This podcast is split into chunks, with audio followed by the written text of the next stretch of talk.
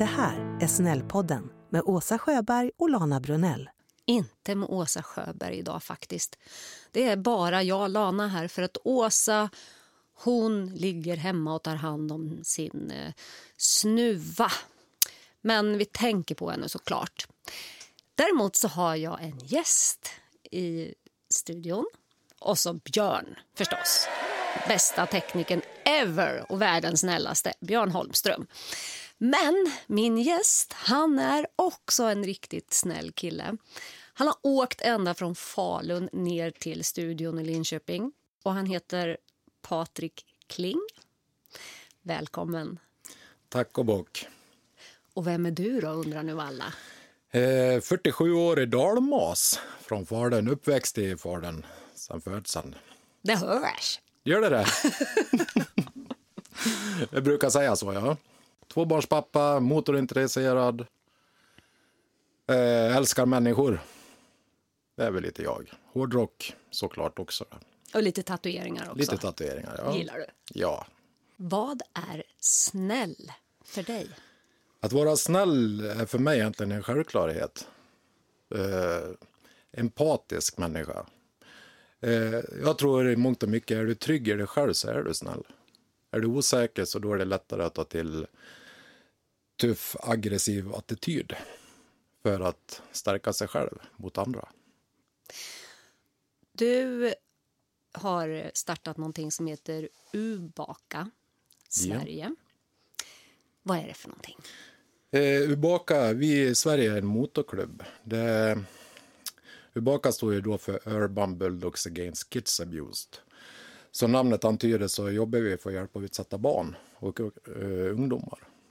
I Sverige är vi förknippade med mc-klubb i och med att vi har väst, eh, patchar som bikers har. Vad är patchar? Eh, märken där det står vilken eh, roll du har i klubben, vilken avdelning du kommer ifrån och vad du heter. Men eh, Ubaka startade i Frankrike för x antal år sedan och finns idag i 12 länder. Du säger att man, ni ofta förknippas med motorcyklar och sådär fast det här faktiskt är en, en, en, klubb för dem som är motorintresserade. Men det betyder inte att man behöver ha en motorcykel eller en bil eller så. Man kan vara med ändå. Har du ett eh, gediget motorintresse så eh, självklart. I och med att vi är en motorklubb så dras det ju sådana människor. Men prio ett är ju viljan att vilja hjälpa barn och ungdomar. Mm. Och du säger att det här finns i tolv länder. Ja. Snällpodden. Men hur fick du idén då att du skulle starta upp i Sverige?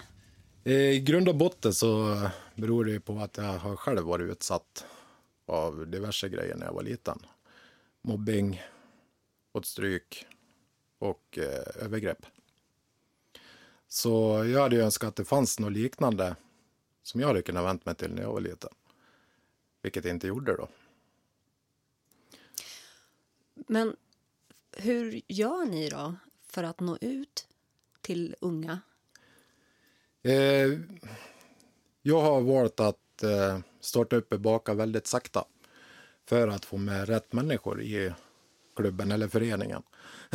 Så det, vi har ju nu funnits i ungefär tre år i Sverige. Och i våras ansökte vi om att bli en förening och starta upp det på riktigt.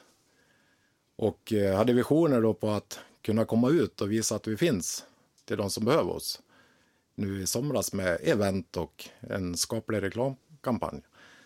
Men på grund av eh, corona eller covid-19 så fick vi dra i handbromsen.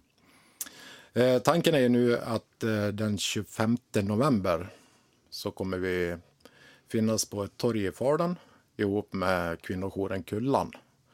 Där vi då ska synas och göra reklam och tala om att vi finns. Mm, och 25 november hänger ihop då med Orange Day. Ja. Eller hur? Det är deras eh, speciella dag. Även ja. om man varje månad den 25 bär orangea kläder eh, om man är liksom ja, vill uppmärksamma Orange Day så kan man göra det. Men just den 25 november är väl Årsdag. årsdagen. Ja. Ja. Just det. Och, och där har ni då ett samarbete, eller du i alla fall, med Orange Day. Jag började med Maria Andersson och Orange Day 2018. Eh, nu är alla i klubben involverade och eh, strävar efter att hjälpa Orange Day. I min värld så går det ju hand i hand. Jag ska säga det, det är därför du är här också. För Maria Andersson, Orange Day-Maria, hon tipsade ju Ja, hon kastade en stafettpinne i huvudet på mig. Precis! Det var därför du fick sätta dig i bilen och åka från Falun till Linköping. Ja, tack Maria. Nej då, det... Jag är så glad för det, ska du veta. Ja, och jag är glad för att få vara här. Det... Nej, men eh, som sagt, eh, eh, jag ser ju att det här går hand i hand. Får en, får en kvinna stryk eller blir psykiskt misshandlad i hemmet och de har barn ihop så drabbas ju barnen. Likväl som om barnen skulle bli åsidosatta eller någonting av henne i huset så blir mamman psykiskt skadad av det. Så i min värld så är det ju inte så konstigt att man kan jobba för både och. Eh, för jag tror i mångt och mycket som jag hörde, jag tror det var Maria som pratade om det, att det är maktbegäret som kararna har. De vill känna kontroll och makt över att kunna styra och ställa och få det som de vill. Och funkar inte det så tar man till psykisk misshandel eller också nävarna. På vilket sätt eh, kan ni hjälpa barn och unga och även kvinnor då? Om de kommer till er? Eh, det som vi gör i första hand det är att vägleda. Vi hjälper barnen via dialog eh, var de kan söka hjälp. Och var kan de söka hjälp? Det är BRIS, det finns massa ECPAT, massa organisationer som vi kan tipsa om. Det är lite beroende på vilken ålder det är på dem också såklart. Men vi kommer även finnas till hand att kunna föra dialoger och prata. För jag tror väldigt ofta att de bara vill ha någon random person att kunna prata med och känna att de lyssnar på mig och de, jag får tillit till dem. Det är otroligt viktigt att finnas hela tiden, inte bara under en period för utsatta barn. Vi, tanken är att vi ska finnas där före, under och efter rättegång om det går så långt. Att vara med dem om de vill det, ja. du? Men eh, säg att någon tipsar om att eh, de, de misstänker att eh, det försiggår våld i ett hem och hör av sig till er om det. Mm. Där de själva kanske inte är de drabbade utan det här handlar om andra personer. Vad, vad kan ni göra då? Eh, ett sätt är att försöka få kontakt med barnet eller ungdomen. Eh, och eh, det där blir en väldigt svår situation. Eh, men alltså vi kommer ju försöka på något vis komma i kontakt och tala om att vi finns om du behöver oss vi kan stötta dig. Vi, vi har ju också tystnadsplikt emot andra när vi jobbar med barn och ungdomar. Så att det är den vägen vi kommer försöka att jobba på då. Mm. För ni får ju inte bara klampa in eller liksom ta kontakt Nej. och ringa på dörren och så där. Det har vi ju andra. Ja, man hade ju önskat att vi kunde få göra det. Men... Ja, ja. Där har vi myndigheter som tar hand om det. Ju. Ja. Och där förmodar jag att man inte får eh, Eh, göra övertramp såklart. Nej, och vi är som vi är en motorklubb som har nolltolerans till kriminella handlingar. Och det gäller ju alltså även om vi skulle få jobba ute på fältet i sånt där. Det är som, vi lägger som alla andra hålla oss inom lag och ordning. Men du, hur känns det? Jag pratade med Maria om det också eh, tidigare. Det här, alltså, för hon har ju eh, Orange Day MC till exempel. Mm. Eh, att det finns mycket fördomar mot motorcykelfolk. Och här, eh, du ser ju verkligen ut som en biker. Du har skägg och långt hår och massor tatueringar. Och vad har du för tröja på dig? Du har en, en Children of Bodom. Det är ett hårdrocksband. Ja, förstås. Du är mm. hårdrockskille och sådär också. Um, Tycker du att, att, att folk kan eh, ta dig på allvar? Eller finns det någon misstänksamhet bara för att du ser ut som du gör och jobbar med de här sakerna? Klart att det finns misstänksamhet. Det, och det är som... Jag klankar ju ingen för att de kanske tror någonting annat när de ser mig, men eh, det här är jag. Jag vill ha långt hår, jag vill ha skägg, jag vill ha tatueringar. Jag är hårdrockare och jag bär väst. Men samtidigt så tycker jag att människor borde ju kunna öppna sina gluggar och inte bara se, gå efter utseende, hur folk ser ut. Det är som eh, om du pratar, om du går in på andra mc-klubbar. Eh, det finns ju stora som är kända via media. Inga namn nämnda, men eh, mångt och mycket så är även de människorna, eller männen, väldigt snälla och lojala människor. Mm, det är den där lilla, lilla, lilla klicken som, Ja, som eh, skapar så mycket negativt. negativa Ja. saker. Ja. Hur kommer man åt det då? Ja, det finns nog många vägar att gå. Till att börja med så kan vi ju ta media. Men eh, för att Eh, om jag nu skulle ha misstänksamhet mot någonting, en klubb eller någonting, så går det ju att sätta sig in och försöka få lite mer inblick i vad det handlar om. Istället för att ha bara förutfattade meningar. Ser du som, om man nu får säga uttrycket Svensson, ut och åker bil och så ser du en väst. Mångt och mycket så tror de ju att det är något bus. Alla är som det kommer en HD, lång gaffel, hästsvans och väst. Så är det förknippat med kriminalitet.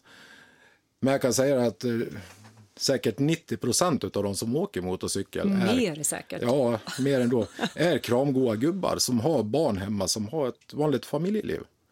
Som alla andra. Jag vet ju det också, men nu talar vi om det för resten av Sverige också. Ja, Att eh, se, se hojmänniskor som snälla. Sluta att tro att alla, bara för man har långt hår eller är hårdrockare eller har tatueringar och, eller kör motorcykel, att det är så himla dumt att liksom, eh, generalisera och föra in folk i olika fack. Sådär.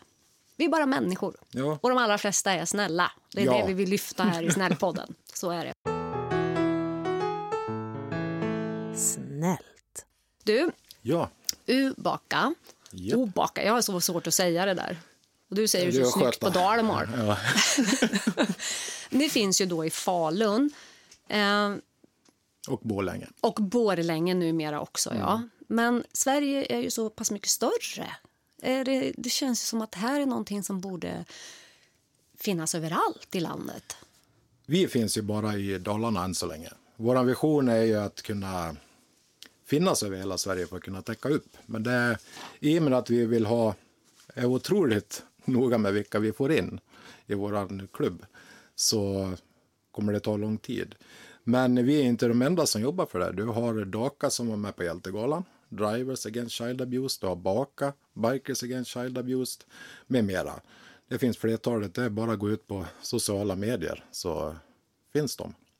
Och eh, mångt och mycket så jobbar vi ju åt samma håll. Vi har kontakt med Daka, och eh, jag kommer även söka kontakt med Baka. i och med att båda vi jobbar ju aktivt med Orange Day också. Vi har en hemsida, ubaka.se. Vi finns på Facebook, Ubaka Sweden Support. Eh, eller också så tar man kontakt med mig på skicka ett sms eller gå in på Messenger och skicka ett meddelande eller skicka en vänförfrågan på Facebook. Sen är det ju en liten procedur för att överhuvudtaget kunna få starta upp här. I och med att som sagt att vi är väldigt noga med vilka vi tar med. Så först så kommer vi ha kontakt väldigt länge och sen eh, kommer du då att bli beviljad efter en röstning utav oss som är eh, Mother Chapter som det heter då, i Vad heter det? Falun. Mother Chapter, Vad betyder det? moderavdelning för Skandinavien. Ja. I och med att vi startade upp först så är vi en sån. och eh, sen rullar det på.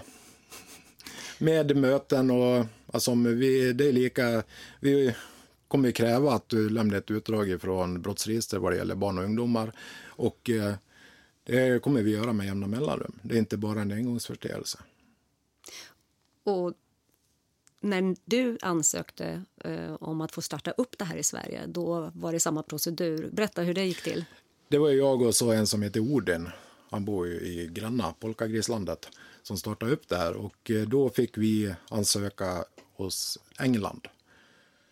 Eh, efter en dialog så fick vi OK att starta upp och då var det samma procedur där. Vi fick skicka över utdrag ur brottsregistret för att visa att vi inte håller på med snusk, höll jag på att säga, eller sånt där.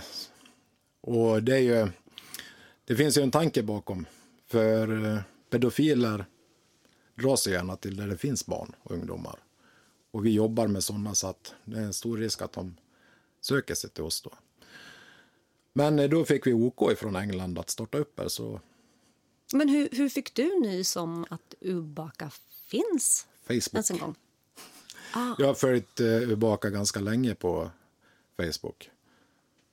Så, och det fanns någonting där som intresserade mig med just den klubben mot andra klubbar. ja, och det har att göra med din bakgrund som du berättade Ja. Mm. här i, i början också. Vad tycker du att det här ger dig då, att vara med i, i den här klubben? Eh, det är ju, ja absolut, eh, vi har ju ett helt underbart gäng, eller medlemmar. Det är ju, för att eh, stjäla en medlems uttryck, det är ju nio stycken ansikten som är med här som inte är av denna värld. Vi har otroligt roligt, vi har 100% tillit till varandra. Vi vet att vi finns där för varandra i vått och torrt. Och eh, allihop, det är bara stor kärlek. Man kan säga precis vad du vill, du kan berätta vad du vill. Det blir inga konflikter. Sen är jag som fullt medveten om att det kan bli konflikter i, i och med att det är nio personer där som vi växer mer. Men eh, som det är nu, det, det ger positiv energi. Och det är inte bara män är Nej, med. vi är öppna för både män och kvinnor. Mm. Och du har- har någon kvinna. Ja, vi har en kvinna, det är min kärlek. Ah. Klart att hon ska vara med. Ja, Men du nämnde ju här eh, Maria från Orange Day och ert samarbete. Kan du berätta lite mer om hur det samarbetet ser ut? Eh, ja, vad ska man säga? Vi bollar idéer. Maria är ju en otrolig klippa. Jag förstår inte hur hon orkar med allt vad hon Nej, håller på med. inte det heller. Men alltså, Hon är beundransvärd. Verkligen. om man ska snacka girl power så har du ju girl power där. Verkligen. Och ja, det som är, det, det jag jobbar mest med henne, eller har gjort hittills, det kommer väl bli mer framöver. Men det är just med Orange Day MC. Eh, kortegen som går den, runt den 25 maj. Manifestation då mot eh, kvinnor- Varje år. Ja, övergrepp på kvinnor och tjejer och barn. Eh, Så jag roddar i starten i Dalarna som utgår från Borlänge eller Falun. Du sa till mig här innan att, att du eh, stör dig på när folk säger, eh, kategoriserar så här, säger eh, bikersgäng och motorcykelgäng, MC-gäng. mc-gäng. Va- Jag, har än idag inte mött ett MC-gäng, så jag vet inte vad det är. Nej, va, varför säger man så då? Eh, Jag vet inte. Det får du fråga reportrarna som skriver så. Det är som... Varje MC-klubb är en klubb. Det är som... De är registrerade klubbar. Det, mig veterligen går det inte registrera ett MC-gäng lagligt. Jag tror inte det. Jag har inte kollat i och för sig. Men Men vad är skillnaden egentligen på ett gäng och en klubb? det som är, det är en klubb, det är en gemenskap. Det är som, de har ett gemensamt intresse. Eh, gäng, det är de som springer runt nere på stan. Och eh, ja, Du menar att det har en negativ klang? ja, det har det. Och det är det media gärna drar upp. Eh, MC-gäng, skottlossning, bombdåd. De är kriminella och alltihop. Ja, visst finns det kriminella, men det är ju fortfarande inget gäng. Du lyssnar på Snällpodden. Du, Ja. vad har ni för vision då i Ubaka? Eh, prio ett är ju att hjälpa utsatta barn mot övergrepp och våld i hemmet. Att eh, kunna få dem att öppna upp sig och våga. Eh, jag tror mångt och mycket att barnen känner att det här inte är något fel, fast de vet att det är fel. Eh, jag hoppas, eller jag ber till gudarna, att lärare kanske börjar ta upp det i tidigare ålder i skolan. Vad som är rätt, vad som är fel, hur mycket får man ta och hur mycket får man göra. Sen har vi även en vision att komma ut i skolor och prata om mobbing. Eh, för att förebygga och tala om att vi finns där då också. Det är inte bara vid övergrepp och våld utan vi finns även till om du är utsatt för mobbing. Vilket idag är betydligt värre än en annan gick i skolan. För då var ju det under skoltid. Idag följer mobbingen med hem på nätet. Just det. Och sen har vi ytterligare en version där jag har fått upp en lokal dit vi kan få ungdomar som hänger ner på stan på kvällar och helger att komma upp till oss och eh, skruva, måla, spela pingis, ha manikyr. Vad kul! Men det finns inte än alltså? Nej, det finns, vi har inte en sån lokal idag. Så ni letar efter det? Ja. Vilken eh, fin vision. Det är ju som eh, en fri, fritidsgård Ja, typ. som fanns förr i tiden när vi var yngre Ja, och som fyllde en jätteviktig funktion. ja. Men eh, ligger ni på kommunen då? Jag har varit i kontakt med kommunen, jag har inte fått någon feedback än. Men eh, ja, vi har ju även fått nys på en lokal som kanske blir ledig framöver där vi skulle kunna hålla på med sånt här. Men allting är ju dessa pengar. Men då skulle ni jobba där ideellt menar du? Ja, vi är som... Vi skulle ju finnas till hands och eh, det skulle ju vara under kontrollerade former hos ungdomarna. Där de typ får skriva på ett kontrakt att jag kommer vara drogfri, jag kommer vara nykter. Jag kommer inte stjäla och jag kommer inte utsätta någon andra för våld eller mm, mobbing eller någonting sånt. Då, och sen får du ju då lösa ett kort för att vi ska ha kontroll på vilka som är där. Ja, ni har planerat det noga, det hörs. Ja, och det kommer ju också då vara öppet för både tjejer och killar eh, med olika temakvällar. Och vilka åldrar tänker vi här då? Det är väl ungdomar upp till 18 år ifrån typ 11-12 år. De som vi finner nere på stan som man känner att den här personen är nog på väg åt fel håll. Ja, håller vi tummarna för att det kan få bli verklighet. Ja, Du, en annan sak. Jag står och tittar här på dina snygga tatueringar. Mm, du har några stycken. ja Är det någon som är speciellt viktig för dig? Vad står det där? forever in my heart. Och så är det som ett kors nästan, Ja. eller? Och vad är det då? Det är min mamma. Din mamma. Vad Och heter så är det hon? mina döttrar. Linnea. Hur kommer det sig då att du ville tatuera in hennes? Hon eh, fick hjärnblödning och eh, kom tillbaks. Hon var, ja, det var återigen barndomen alltså. Hon har ju haft ett helvete om man säger så. Men alltid funnits där. Jag, både jag och mina syskon hade väl egentligen hoppats att hon hade lämnat fältet med oss. Men hon krigade på. Och sen fick hon hjärnblödning. Jag vet inte om det kan vara sex år sedan. Eller sånt. okej. Jag var ju inne i min sjukdomsperiod då så att det var väl inte i mina sinnesfulla om man säger så. Nej, då måste du berätta om din sjukdomsperiod också. Ja, vi kan ta det sen då. Ja, Nej men eh, det var, hon åkte på hjärnblödning, eh, låg på akademiska. Hon trodde, väl, hon trodde väl inte att hon skulle bli så bra som hon blev. Det blev lite krutgumma idag men hon kom tillbaks. Mer skinn på näsan. Hon sa ifrån och, alltså, så som man hade hoppats att hon hade varit tidigare.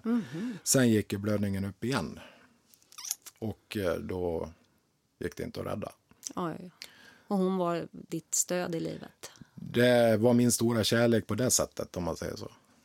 Hon, wow, Och nu finns underbart. hon på din arm. japp. Och sen har du lite annat. För du, du tatuerar själv också. Ja, på hobbynivå. Men har du tatuerat dig själv? Ja, lite grann. Den har jag gjort, ja lite. Ja. Uh, Okej. Lite dödskallar och sådär, är Ja. vad jag kan se. Det är jag. Det är du.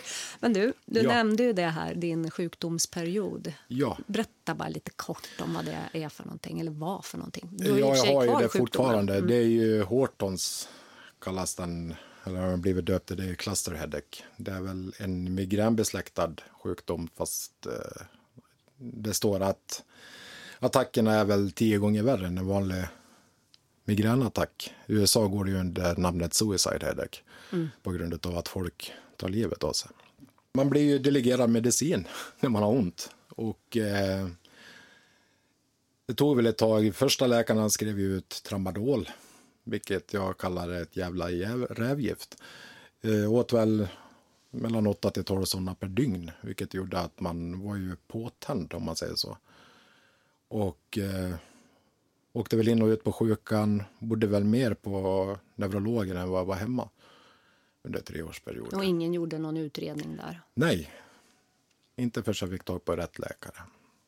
Och det var då du fick diagnos? Ja, då blev, blev jag ivägskickad på utredning. Och under de här åren, det var då din mamma? Ja, och pappa gick bort. Och under båda samma, gick bort. Ja. Mm.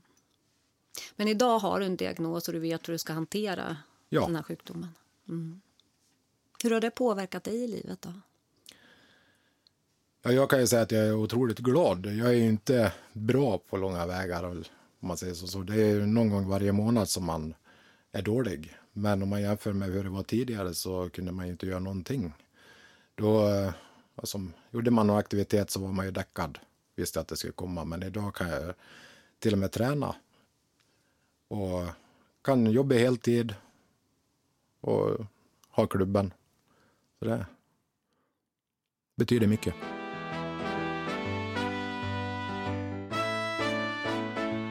Snällpodden. Vi brukar ju fråga våra gäster vem de skulle vilja höra i Snällpodden. Ja. Har du någon idé på någon väldigt snäll person som du Tänk skulle vilja höra? Det har jag. Det har du! Ja. eh, det är en dalkulla. Åh, vad mysigt. Mm. En eh, som för mig, man kan säga att eh, skulle man sätta ett ansikte på att vara snäll så blir det den personen. Hon är basist i Mimikry. I vad? Mimikry. Ja, Känner du till Yellow Heavy? nej, Eh, på rymmen? nej. Nej, du är för ung. Nej, men hon eh, det är en otroligt eh, älskvärd person. Stort hjärta, mycket kärlek och rolig. Och vem är det då? Mia Mästerbo ifrån Borlänge. Och vad gör hon förutom att spela bas? Ja, hon är musiker och hon jobbar med ja, scenevent på olika scener och sånt och sen jobbar hon som eventansvarig på Borlänge kommun. Hoppas jag att hon gör fortfarande så inte jag står och säger för mycket nu. Hon gjorde det i Hon alla fall, om det. inte annat. Ja, jag tror hon gör det fortfarande. Kanske gör det fortfarande. Ja. Spelar ingen roll vad hon gör. Hon är världens snällaste. Ja, hon är helt underbar. Ja, kul. Mm. Ska vi se om vi får tag på henne. Hur ser din vinter ut? Vad har du för planer? Jag vet inte om jag törs säga det, men Jo, jag hatar vinter. Du hoppar vinter? Jag hatar vinter. Du hatar Ja, vinter? det, jag ser inget positivt alls med det. Men Men, nu- jag har nu- full, full förståelse att folk älskar det som har åker skoterslalom, skidor, skridskor. Men, men det går inte att åka hoj då? Nej. Nej, det är bara en transportsträcka för mig. Men då kan du jobba lite extra med Ja, ubaka det kanske? kan man göra. Ja. Ja, och planera inför sommaren. Ja. Så det är så det blir. Alltså. Jag gör ju inga, eh, pimplar inte, eller jag gör inga vinteraktiviteter så att jag håller mig helst inomhus. Men du kanske kan börja och hitta på något på vintern. Så att Ja, snöänglar kanske man kan springa runt och göra. det kan man göra om det finns någon snö. Ja, Det är ju inte alltid du gör det heller. ja, uppe i oss brukar det komma lite i varje fall. Ja, men du, eh, du får försöka överleva vintern. Ja, Jag kan tycka att det är lite mysigt ändå. Eh, Det här liksom mörka, man går in och sätter sig och tänder ljus. Och, eh, Ja. Det är bara att perioden är lite lång. Det är väl den det. är det ja. Men det säger swish och så plötsligt är det april, maj. ja. Och kortege. Och Cortez. Ja. Ta det igen, datumet. Och Och det är ju runt den 25 maj. Det är ju den helgen. Och eh, jag kan väl säga som så, jag uppmanar alla som åker tvåhjuling att delta. Ja. Och visa upp att eh, du står mot, för, mot övergrepp på kvinnor och barn. Ju fler vi är, ju bättre är det. Hur gör man då om man vill åka med i kortegen? Du kan gå in på eh, Orange Day MCs hemsida, eller orangeday.com tror jag det är. Läser, det är bara att prova sig fram, eller också så finns det ju på Facebook, som många har idag. Och eh, läser där, där står det ju hur man går tillväga. Som det var nu sist så var det ju, då delas det upp, då var det ju inte samma kortege som det brukar vara på grund av corona. Vi från Falun, vi åkte ju från Falun till Västerås. Och då hade vi ju som satt upp att det är max 50 deltagande. Och eh, det var runt överallt i hela Sverige, från norr till söder som de åkte. Så då får man hålla lite koll och så går man in och anmäler sig. Det skulle ju vara häftigt om det gick att samla alla på ett ställe. Ja. Om corona kunde försvinna Ja. snart. så att det i maj faktiskt går att genomföra. Va, alltså hur många skulle kunna vara med? Hur många som helst? Eller? Ja.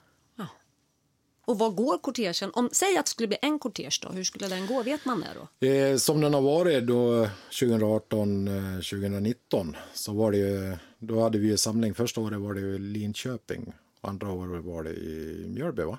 Tror jag det var. Och eh, då samlas allihop där ifrån Stockholm, Dalarna och eh, Helsingborg och åker gemensam trupp in i Norrköping. Och första året var det 1500 hojar. Jag kommer inte ihåg hur många det var 2019, men jag tror det var ännu mer då. Och sen är det ju event inne i Norrköping med underhållare, talare och festligheter. Snällt. Tack så hemskt mycket Patrik Kling för att du tog dig tid att komma hit till studion och berätta om det du håller på med. Tack själv. Fortsätt med ditt jätteviktiga arbete och er klubbs viktiga arbete. Mm. Eh, tack för att ni finns. Tack Och- själv. Lycka till nu då i framtiden. Tusen, tusen tack.